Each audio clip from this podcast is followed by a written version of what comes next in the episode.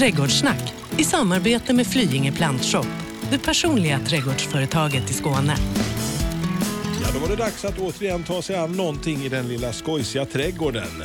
Hur har eh, trädgårdsveckorna varit sen vi träffades sist Annika? Alltså, underbart slitsamma. Ja, det är ju den här Man tiden. bygger muskler nu, vet du. Exakt. Du ser väl här själv. Ja, jag är så imponerad. En gördel kan man göra väldigt mycket. Ja, det är dags att eh, efter att ha jobbat med både jordförbättring, sått små frön, så är det dags att ta hand om min favoritdel av gräsmattan, något. Är det gräsmattan full rulle eller sakta i backarna som gäller för dig? Ja, det är nog faktiskt eh, gräsmattan som gäller alla dagar i veckan. Du har tagit med dig en eh, gräskompis. Ja, Gun är jätteduktig på gräs och gräsmattor och sånt. Och det är ju inte jag. Alltså jag eh, är rätt dålig på det. Jag är inte så intresserad, men Gun kan allt. Så jag har förstärkning. Va, alltså, vad är den vanligaste frågan i plantshoppen du får om gräs? Det är vad ska jag ha för gräs? Okej. Och då brukar jag alltid fråga vad ska du ha gräsmattan till? En slityta säger de då.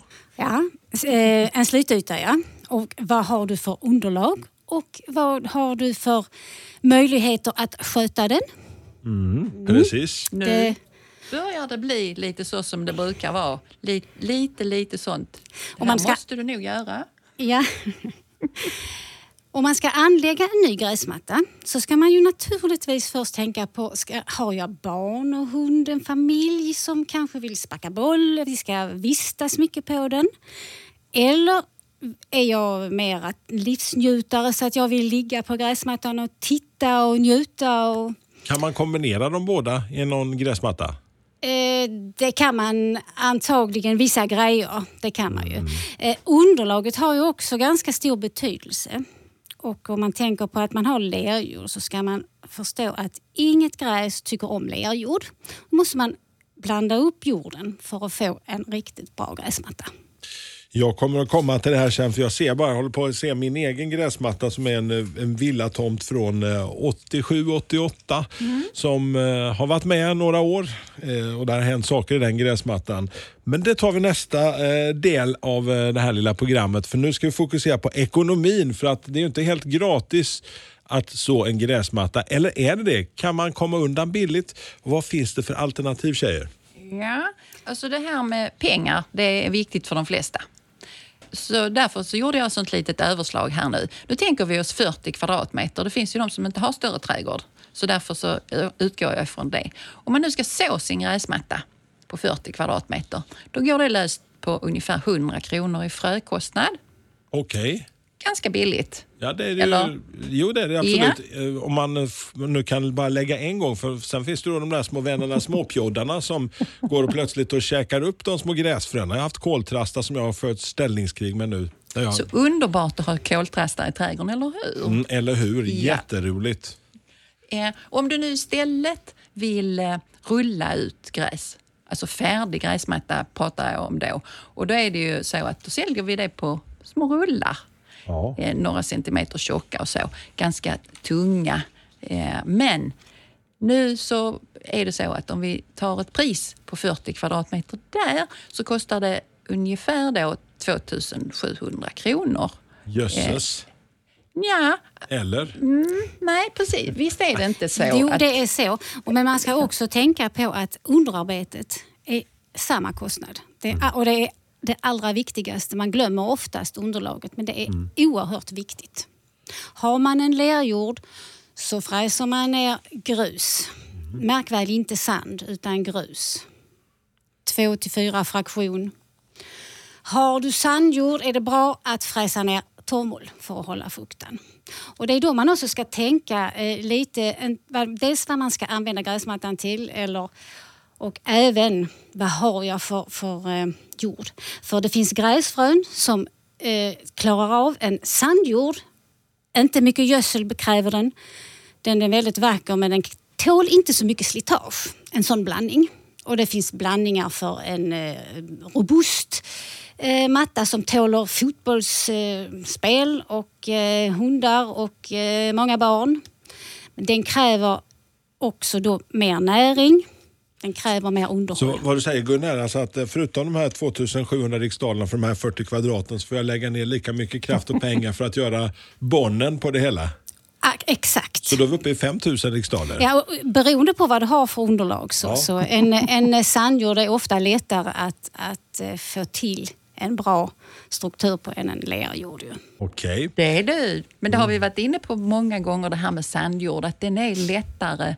Alltså man kan göra nästan allting på sand, eh, men man kan inte göra allting på lera. Men, men hur bra är det egentligen en eh, vanligt sådd med klassiska fröngräsmatta versus den som man rullar ut på rulle? Det är det frågan. Liksom det ekonomiska att kanske ha lite mer tålamod och låta det gå den där sommaren för att växa till sig. Kan vara ja, för när du köper gräsmatta på rulle så blir det en sort som är oftast också avsedd till fotbollsplaner. Det är så? Ja, och där är aldrig något eh, rajgräs i. Eh, så när man sen ska så i den gräsmattan ska man också tänka på att inte köpa villablandning som de flesta fastnar för. Utan då köper man fotbollsblandning. Ja, det heter inte så, men det, de, det är en, en eh, gräsfröblandning utan rajgräs. Det är alltså ängsgrö och rödsvinglar. Okej. Då måste jag ju fråga, som inte alltid tittar på burkarna vi har, eller vad heter det gräset? Vi har eh, Villa Lyx, Skånefrös, och vi har Econovas eller Weibulls Extra Green. Men du, om, alltså, jag, jag måste kasta in, för jag bara ser min egen gräsmatta. Jag måste få ur det systemet nu. Min villaträdgård eh, har... Eh, det har väl hänt saker i den trädgården. Den har blivit sliten under vintrarna. Jorden har blivit lite mer kompakt. Jag kör ett ställningskrig varje år med mossan. Bara senaste för förra veckan, precis innan det regnade, så öste jag på lite sån eh, stroller trippel, vad är den här? Stroller eh, kombi. Den här, kombi. Som ska eh, terminera mossan. Och det gjorde den. Den blev lite svart och så räfsade jag bort den. Inte Stroller kombi tar inte mossan, det Nej, är det är Stroller mossa. Stroller mossa heter jag. Ja. Ja. men den har ändå lite gödning i sig också. Där, Ja, så ja, det har den. Boostar i. Men vilket fall, eh, jag tycker att det är en period som den blir väldigt fin och grön men där är fortfarande, det är lite grann som hos distingerade gentlemän, där är lite små kala fläckar både här och Just där. det. Efter vintern brukar det ju bli det. Man ska ju börja alltid med att man krattar med en lövräfsa efter vintern så man får bort alla döda partiklar. Och sen ger man en riktig gödselskjuts till gräsmattan. Med Men- mycket kväve. Men de här eh, små, små, små fläckarna, jag har ju gjort så här nu att jag, jag har ju inte varit och hackat så hårt men jag har försökt hacka upp så mycket jag kan och sen strött i lite uppe på. Uppe på, men sen ska du kratta fröerna också annars tar ju fåglarna allt. Okej, så jag måste efter jag har lagt ut dem kratta ner dem i också? Ja. Jag hoppas du har lagt ut toppdress eller någonting som det inte Ja, det bara... var nog kanske där det gick fel lite grann Gun. Ja, det bör man göra för att få ett bra resultat. Okej. Du hör att du ska prata med Gun Ja, gräset. men ibland så Ja. tänker jag lite grann så här, Gun, så tänker jag, tänk att få börja om på början. Jag pallar inte hålla på med den här mossan. Är det möjligt för oss som har haft en trädgård ett litet tag att bara riva upp skiten och rulla ut en ny gräsmatta? Ja visst, man kan skära av allt naturligtvis. Göra ett bra grundarbete och rulla ut en gräsmatta. Men man ska inte ge upp hoppet på en gammal gräsmatta för det handlar mycket om att gödsla, vattna, klippa. Gödsla, vattna, klippa. Jag märker nu att när jag klipper lite lagom någon gång i veckan så, och nu kommer det bli mer kanske sen när allt eftersom, så ser den ut att bli lite finare, lite grönare och gladare. Den blir bättre. Alltså, alla gräsmattor ser bedrövliga ut efter vintern. Så man tänker att Åh, det blir väl aldrig någon gräsmatta av detta, men det blir det. Men det gäller att gödsla och inte bara en gång. Man ska gödsla varje månad. Okej, för att ibland så läser man på de här påsarna för där står det liksom att ja, två gånger per säsong var den här mossan till exempel. Ja, mossan ja. Ja, mm. Men eh, du tar oftast inte gödsel med mossa varje gång. Nej. Utan du tar kanske första gången kombinerad gödsel-mossmedel. Sen tar du gräsmattegödsel de andra gångerna. Men den här hårda kompakta ytan, för ibland så känns den liksom, den är stenhård ibland. Det är en härlig gosig gräsmatta som är ganska så ny som inte är så kompakt och hård. Jag känner Den- det, liksom, den är ju stenhård båda Ja, du har förmodligen en lerjord kanske. Absolut. Ja, du kan vertikalskära. Du skär i gräsplantorna så att de delar sig och skjuter nya skott. Och när du då vertikalskär så kan du samtidigt passa på att dressa ner Lite, eh, grus eller dressmaterial. Okej. Toppdress. Men när kan, man, när man, kan man göra det när som under säsongen? Nej, just vertikalskärning bör man vänta med att tills du åtminstone har klippt den tre gånger på Okej. våren. Och sen kan du göra en gång till på augusti på hösten när det börjar bli Jag har höst. klippt två gånger så att när jag har klippt tredje gången så kan jag... Kan du skära ja, och, så- att uh, får syre ner till rötterna. Och då ska man ha en sån där som ser ut som en gammal handjagare eller? Kan man inte få en sån bildexposé eller så på din gräsmatta nu när den kommer i utveckling efter detta programmet? Patienten Jag- levde nätt och jämnt. Är det du som är patienten? Eller? Nej, det är min gräsmatta. Men jag tycker du ska satsa på, i år i alla fall, och testa att uh, gödsla ofta med riktig gräsmattgödsel. Och Ta så något lite med högt kväve för att få liv i den. Lite så. Ja, alltså den ska bli stark så kommer inte ogräset heller till den. Och så sen eh, de där små kala fläckarna Så i. så i och så kratta ner. Ja, lägg ut dressmaterial, så i, kratta på dem. Lägger man alltså, när jag tänker här när man fixar den här, vi ska återkomma till det vi är här för att prata om de nya gräsmattorna och rullar. Men lägger, lägger man någon liten duk eller något över den här lilla eh, biten så att inte fåglarna Ja, det åt? behöver man, det kan man visst göra ju, men eh, har man många små fläckar kan det bli väldigt jobbigt kanske. Ja. Det är bättre att kratta ner det eller, så att de kommer precis under jordytan. För då, dels så torkar de inte heller så fort fröerna. Så kan det se ut som en sån här installation som vad heter han Kristos, han som svepte Ja. in massor med här, i vita dukar med en gräsmatta då. Har man en stor fläck kan man ju lägga Ja. någonting över Ja. den. Men har man många små kan det vara lite körigt. Men det låter ju ändå så att den nya gräsmattan, jag har bara ett vagt minne av när jag växte upp och vi hade skaffat vårt första hus, att det här jobbet, förarbetet, det var rätt styvt arbete faktiskt. Ja, det är det ju. Man kan väl fräsa ner. Man ska ju blanda upp beroende på om man har lerjord eller sandjord. Så ska man ju då blanda upp. Sen ska man även lägga i grundgödsel där. När man, och så fräser man det.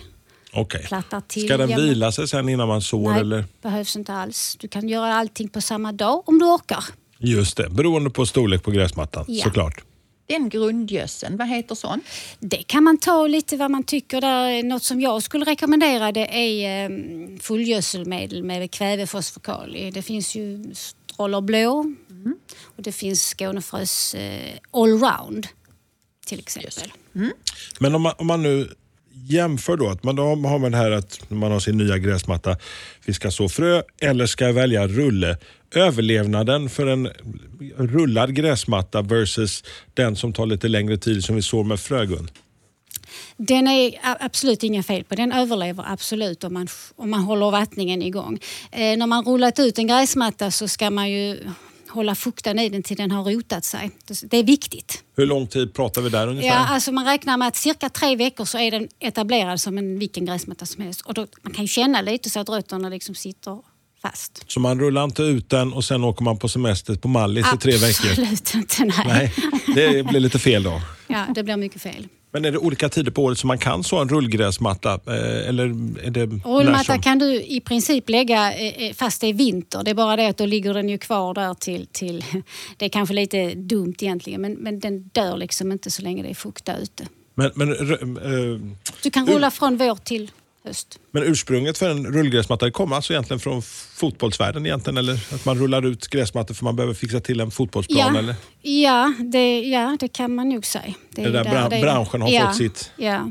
Men då, då, då, då kan jag berätta om att det finns en helt eh, ny variant som de har installerat här på plan 9 vid eh, stadion här i Malmö. Där finns det en så kallad hybridgräsplan.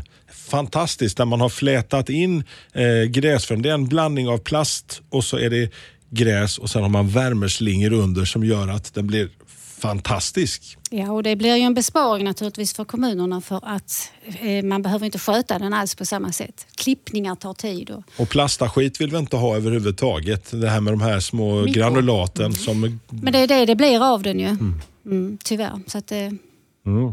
Ja, ja. man bör nog inte hålla på. Och spelarna tror jag inte heller vill tycker det är så bra. nej, den här klassiska plastgräsmattan som vi har sett, de billiga varianterna med just de här svarta granulaten, det är ju ren, det är skit och det är en besparing för kommunerna för att det är billigare att ösa ut och även om det har blivit bättre och så, va, så, så är det, nej, inte riktigt gräs ska det vara. Riktigt gräs ska det vara. Ja, det är lite känsla Absolut, det. Det ja. doftar gott när man klipper det i alla fall. För det gör jag någon gång. Men sen kan det också vara att du har någon eh, skogstomt eller eljest där du liksom har väldigt svårt för att blanda ut jorden. Eh, Ja. Det är nästan mest eh, sand och, och skog och lite som gödselfattigt. Då finns det ju en, en ypperlig gräsmatteblandning som du kan så där som blir hur fin som helst, tjusig. Det tål inte att sparka boll på precis, Nej, nej, men, men- men den är fantastiskt fin. Där under den här etableringsfasen när den ska sätta sina små rötter, hur mycket vattnar man? Det är klart det beror på att jag menar nu... Det beror på väder, ja, Ja, naturligtvis. Men, men eh, det, det kritiska är ju när, så länge fröet bara ligger där så har det ju inte så stor betydelse. Det händer ingenting. Men så fort det har öppnat sig Mm så får det inte torka. Sen så kommer det ju en, en, en rot ner ju. Och då är den ju naturligtvis känslig men den, inte, den dör ju inte lika lätt som själva fröet. Men det gäller att undersöka så att det är fuktigt. Man bör vattna, i sånt här väder får man vattna flera gånger om dagen om det är mycket sol ju. Men eh, annars i normala fall eh, så kan det kanske vara någon gång om dagen eller varannan dag. Men det är viktigt tills det har rotat sig. Välkommen till Flyinge plantshop, ett riktigt gardencenter där kunskap, kvalitet och service är en självklarhet. Bara tio minuter från Lund finner ni allt från perenner och buskar till stora träd, jord, gödning och tillbehör. Välkomna till Flyinge plantshop, drömmen för alla trädgårdsälskare. Något jag har tänkt på just när det gäller den här lilla sommargräsmattan, det är när ungarna någon gång, nu är de ju så pass stora så de inte asar ut något av våra gamla tält där hemma. Men så ska den då så ska den vara ute på gräsmattan. Ja, en ska vara någon dag men det blir ofta kanske en vecka. Och så blir den där härliga vita fläcken där tältet har legat och blockat solens strålar. Finns det en chans för den att återhämta sig eller hur lång tid tar Ja, det? absolut. Det är klart, rötterna har oftast inte dött. Så det är bara att den, den, de blir lite bleka. De Men- blir bleka och de kommer sig oftast igen. Men det är klart, har roten har de dött så, så får man i så fall så i. Men oftast det tar lite tid innan rötterna också dör. Ju, så att, sommaraktiviteter annars? Det står vi ju inför både kanske en och annan liten bröllopsfest eller kanske en och annan studentskiva. Gräsmattan med ett litet partytält på och många som ska ut och rumla runt om i trädgården. det tål den. Det gör den? Ja, det gör den absolut. Okej. Känns tryggt va? jag, är- jag är full, full stum av beundran. Jag Ja. började klippa bara för no, no, några veckor sedan. Eh, första gången, bara lite lätt sådär. Eh, men när är det annars? Finns det några generella regler sådär? Eller när man kan börja? Nej, man, alltså inte att man måste börja någon viss tid. Börjar det växa och, och Mm. man tycker att nu är det dags, så, så absolut. Men man ska aldrig klippa mer än en tredjedel av gräsets längd. Så att det inte För då kan något- det bli lite chockat och gå Ja. ner sig lite. Och även om, om det blir några sådana här riktigt varma dagar och man har stubbat den fullständigt då. Ja, då kan den bli gul, men det är oftast ingen fara. Den, rötterna har ju inte, som sagt oftast inte dött, utan den kommer sig. Och så dyker det där lilla härliga vattningsförbudet upp på en och annan Ja. skånsk kommun också. Men det är otroligt vad gräsmattan, alltså gräset klarar sig oftast bra, men man vill ju inte ha en gul gräsmatta för det är ju inte vackert. Nej. Och så en del som där som smygvattnar på natten. Det ser man så här, en och annan vattenspridare som plötsligt börjar gå igång så här framåt tio tiden för grannarna Ja. märker. har, ni, har ni stött på det? Nej, det har inte vi. Vi sover på nätterna vet du. Ja, ja. Men, men eh, vi pratar ju om det här slityta versus eh, en liten fin golfgreen som bara ska vara sådär. Pensionärsgräsmatta kallar jag för min saliga far. Han hade alltid en sån där som klippte den minutiöst. och Så här. Ah, En golfgren är ju ett speciellt gräs, krypven, oftast som, som man kan klippa väldigt kort. Så kort klipper man inte normala gräsmattor, för det, det tycker de inte om. Det, det blir de nersatt, ja, då går de ner sig. Men finns det villaträdgårdar som vill ha golfgreener? Har ni varit med om det? Folk vill ha en sån? Förr har jag varit med om det, men nu för tiden nej. Vi har ingen sån special golfgrinblandning i sortimentet. Jag vet inte någon som har det faktiskt. Jag har inte sett det på många år. Förr fanns det en som hette Green. Sen finns det den här varianten som vill ha det lite mer peace, love and understanding. Vi ska ha en liten eh, äng nästan där hemma. Kan man så sånt gräs också? Ja, alltså äng är ju egentligen en blandning av många olika saker. Och ibland så stöter jag på någon som tycker att de inte vill ha gräsmatta kanske, eh, men de ska ha gräsmatta äng. Alltså, Det ska bli lättskött och man ska inte behöva göra så mycket och så. Men det där med äng, det är så, alltså på sätt och vis svårare än man tror, framförallt om man går emot naturen. För äng finns det ju ofta på alltså, näringsfattiga marker och så, där det är lättare jordar. Där kan man etablera en äng. Men om du nu skulle vilja etablera en äng för att inte du ska klippa gräs. i Kom din- undan billigt med andra ord. Ja, komma undan. Då är det nog ingen bra idé för du har nog väldiga svårigheter att etablera en äng eftersom du har en jord som inte är så bra för äng. Så skit hellre i det då eh, och gör någonting annat. För äng passar där det är jord och mark som de ängsgräs och ängsväxter och så trivs på. Mm. Så att, ja. Det, Men finns det att köpa en eh, pussel med frön med ängsgräs om man nu skulle vilja ha det och ha en lite större Mm. tomt. Nu är min lite mikroskopisk i sammanhanget.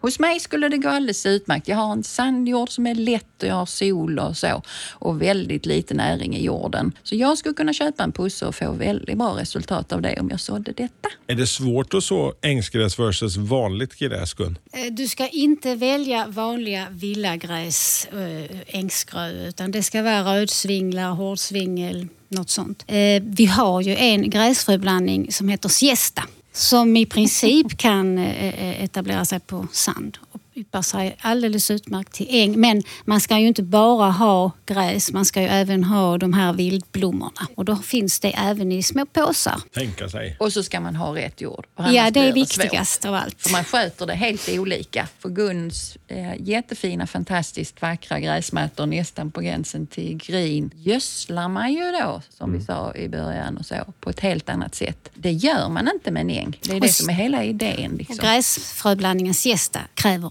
inte gödsel Det finns ju delar av trädgården som jag berättade i början med att jag har precis kört mitt eh, årliga krig mot mossan. Men vad finns det så för att förebygga mossan? Jag gissar på att det är klart det är lite skugga och så vidare. Men man har ju sina häckar där de är liksom och, eh, som är väl uppväxta. Vad, vad, vad kan jag göra för att, för att slippa undan mossan? Mo, bort försvinner den aldrig men Nej, bort försvinner den aldrig. Men en stark gräsmatta går det inte så lätt mossa i. Eh, antingen får du eh, gödsla ordentligt hela året, då är den stark och tät. Och så får du kanske även eh, eh, fälla träd och, och, häckar som du har intill, för det gör också sitt till. klippa dem lite, lite lägre så ljuset kommer till lite grann. Ja, Men om man, om man nu eh, har gjort allt det här grund, grundjobbet. Eh, hur ofta, du säger att ska, man ska kunna gödsla en, en gång i månaden. Men när rent klimatmässigt kan man gödsla? För jag läser på en del av de här påsarna att man ska helst, det ska helst vara lite, inte blåsa för mycket och det ska helst vara jättefuktigt. Och, Det, är, nej, alltså, det kommer väl alltid någon dag då, då, då, det, det ska, då det regnar kanske i var månad. Så att april, maj, juni, Ja. juli, augusti. Du kan hålla upp just under juli kanske. okay. Så det är fyra gånger då. Det finns ju också andra ställen eh, när man etablerar en gräsmatta eller ska bygga ut sin lilla tomt kanske, där det inte tar sig så lätt. Alltså där gräset inte har så lätt att, ta sig fram. Finns det några funderingar på vad man kan göra där? Strunt i att ha gräsmatta där. Ja, det var ju jätte- Ja, nej men det är så här att om du nu har alltid mossa eh, ja, någonstans Ja. och där det har svårt att få ditt gräs att växa. Låt oss säga en skuggig passage mellan två hus eller någonting sånt där. Alltså min idé kring det är att då struntar man ju i att ha gräs där och så har man någonting annat så slipper man ju mossa, alltså någonting som kan trivas där. Att man gör en liten passage utav lite skuggälskande perenner eller något sånt. Då blir ju den ytan snygg istället för att hålla på och slåss mot mossan och få upp fem grässtrån på den ytan årligen och tycka att den är förfärlig. Alltså man kan göra väldigt mycket annat än att ha gräsmattan just där. Kunde det vara något kanske? Det låter ju alldeles, alldeles eh, fantastiskt. Ja, och det är likadant med slänter. Ja. Ehm, Det är sådana frågor jag ofta får. Alltså då står jag hos någon i någons trädgård och så har de en slänt. Och så tycker de inte om slänten för att den är så besvärlig att klippa. Och ve och fasa och de ramlar med gräsklipparen och åh, så. Men, men gör då någonting annat med slänten. Så Dagens ilandsproblem lite så. Ja, alltså det går ju att sätta lite Ja. buskar i den slänten så är man av med det problemet. Så att eh, inte vara kanske hitta på någonting annat. Klippning av gräsmattan, hur, hur, hur ofta? Alltså ibland så känner man man blir lite stressad, man ska kanske åka på semester och så lämnar man gräsmattan och så tokklipper man den innan man åker iväg och så hoppas man och ber till gudarna att det inte allt för torrt. Hur ofta, Gun? Det är ju omöjligt att säga. Eh, Några gånger i veckan brukar ju vara ganska normalt. Gisses. Två, två gånger i veckan kanske, men det också beror på Här, här, är någon, här är någon som inte klipper en gång i veckan ens tydligen. Det beror lite på om du gödslar mycket så att du vill verkligen ha en stark gräsmatta. Du klipper och vattnar och gödslar hela tiden. Så det beror ju på vad man har för ambitioner också. Jag har ju väldigt låg ambition när det gäller gräsmatta. Min ambition ligger ju på helt andra saker i min Okej. trädgård. Så det är därför jag klipper den max var fjortonde dag. Och då ser den ju ut därefter. Men det är, alltså, för mig är, gör det ingenting. Det är ju sant att det Ja. beror på vad man har för Ja. ambitioner. Men Ja. om man nu vill hålla en fin gräsmatta så en gång i veckan i alla fall. Men som sagt, det beror på väder. Det kan ju vara eh, t- sommartorka eh, jättelänge och då, då bör man ju inte hålla på att klippa den för då, då, då blir den ju mycket känsligare. Om man Om man- ägnar, ägnar sig något åt verktyget som vi har och klipper med, handjagare, eluppladdad eller en robotgräsklippare, vad föredrar ni själva? Jag har en sån... Eh, Handjagare eller? nej, nej, jag har sån puckelpist. Så jag har högsta klipphöjden på en drivande gräsklippare som dessvärre går på bensin. En klassisk Briggs Stratton-motor. Eh, det är det kanske. Ja. Jag har inte tittat efter. Nej. Men, men eh, Jag har en gräsklippare, som, eller vi, som man sitter på. Åh, du har en Men- sån Eh, Jag åkergräsklippare. klipper aldrig själv så att det... Du hyr ut jobbet till maken eller? Ja, ja, ja. Jag önskar att jag hade en sån stor gräsklippare. När jag bodde i USA några år i början på 80-talet så hade alla såna små, små, eh, små traktorer som vi åkte runt med nästan så här och klippte. Det var jätteskönt. Så satt man en varm sommardag och hade något kallt att dricka och så lullade man runt där och åkte fram och tillbaka, fram och tillbaka. Men, men det, för det finns ju där också det är en hel maskinpark. Man vet inte riktigt vad, man, vad som är bäst så just nu. Robotgräsklippare har ju blivit väldigt trendigt nu. De har ju kommit och de är, de är faktiskt ganska bra för gräsmattan också, eh, skulle jag gissa. För de klipper ju hela tiden. Klippet går ner i och man behöver aldrig samla upp det utan det går ner och blir lite Gödning. gödning ja. Eh, och samtidigt så trivs inte mullvadarna där för det rör sig hela tiden om man nu skulle ha problem med dem. Många påstår att det, det förhindrar att mossan kommer. Och det kan jag tänka också för det om den klipper hela tiden det, det, och blir gödsel och, och det händer hela tiden någonting på gräsmattan. Den, den blir stark av det. Det känns nästan som vi skulle kunna ägna ett helt avsnitt bara åt gräsklippare och olika produkter så här som man kan använda. Och ogräset har ju knappast någon chans. Nej. Det kan vi ju konstatera för de, de klipps ju av hela tiden. Så. Det är Bara dekapitering direkt där. Och då var det dags för paprapam, veckans växtporträtt. Och du har plockat fram ett gräs idag Annika. ja, jättetrevligt gräs tycker jag. Eftersom jag har pratat gräsmattor så är det inte ett gräsmattegräs jag tänker säga någonting om utan det är ett perentgräs alltså som finns på perenna-avdelningen. Det är väldans eh, trevligt för det är grönt hela året. Okej. Ja, eh, och sen så heter det japansk starr. Och sorten som jag pratar om den heter Ice Dance. Tänk dig nu ett gräs med, eh, som är ungefär 30 centimeter högt och som har vita bladkanter och som är sådär överhängande. Låter inte det vackert? Det låter lite asiatiskt nästan. Ja, det är, alltså, det är lite så japansk starr. Alltså, De är lite förtjusta i det här med vita, eh, eller brokiga blad. Kan man säga. Eh, den här ytan nu som vi snackade om innan, där inget gräs vill bo, där skulle man kunna ha det här gräset tillsammans med lite andra. Så in i skuggan med detta. Det har en fördel som för vissa kan ses som en nackdel och det är att det skjuter små utlöpare under jorden och så kommer det upp en ny liten tuva.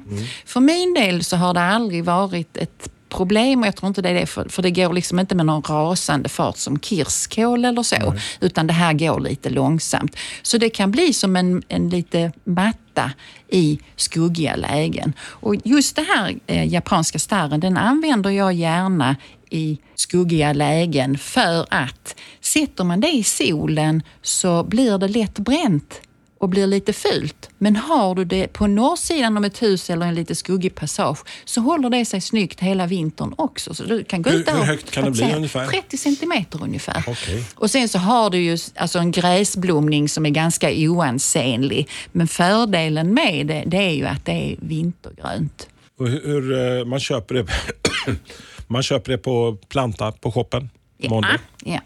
Det är inget man såg på friland direkt. Nej, Det, och, och skulle du nu vilja ge till grannen så kan du klippa av en sån liten utlöpare och så kan du liksom de- dela med dig av det här vackra gräset då. Och för att plussa på lite här nu då i det här skuggiga hörnet förutom det här gräset så skulle jag kunna tänka mig att sätta det tillsammans med ytterligare ett gräs. Okej. Ja, och det, gräs och gräs blandar jag inte sådär jätteofta eftersom jag tycker de tar ut varandra formmässigt. Men om man tänker sig att man sätter in ett hakonegräs, går det att komma ihåg det namnet? Hakonegräs säger dagens- alla högt. Mm, okej.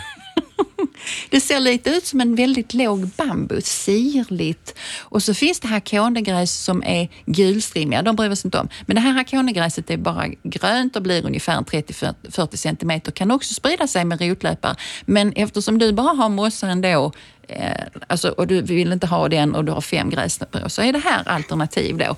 Och sen så sätter vi det här tillsammans med en eh, buske, tycker jag eh, som skulle kunna vara en, eh, ytterligare en japan, ett japanskt olvon som heter Nanum semperflorens. Nu är som olvonet där igen. Alltså. Det, Nej, men det avsnitt det är upp. olika olvon Ja, ja. Ja, ja, Men de är bra. okej. De är fantastiskt bra. Det här olvonet, den här låga busken, kan tänka sig att vara i skugga, halvskugga.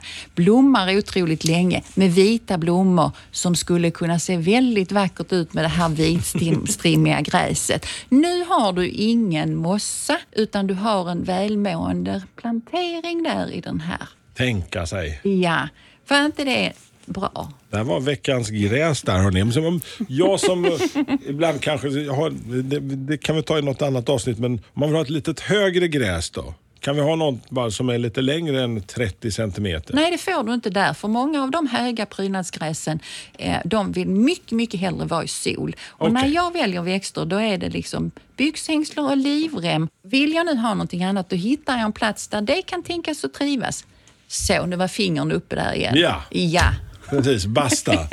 Men hörni, då har vi lärt oss lite mer om gräs och i nästa vecka, eller i nästa avsnitt av Trädgårdssnack, då handlar det om viktiga saker så här i hänryckningens tid. Gift eller ogift? Den får man ta och fundera lite grann på, eller hur Gun? Ja, ja. absolut. Och är ni nyfikna på gamla avsnitt så finns de att ladda ner där du laddar ner poddar allra mest. Och så kan du läsa mer på vår Facebook-sida. Och så... Vet du vad? Nej. Jag tänker ta med mig Gun nästa gång också. Ah. För Gun är gift och jag är ogift. Och det Är har en betydelse. Okej. Ja, okej. När någon som är giftig och en som är ogiftig. Ja, vi, vi, låter det stanna där så tar vi det i nästa avsnitt. Trädgårdssnack i samarbete med Flyinge Plantshop, det personliga trädgårdsföretaget i Skåne.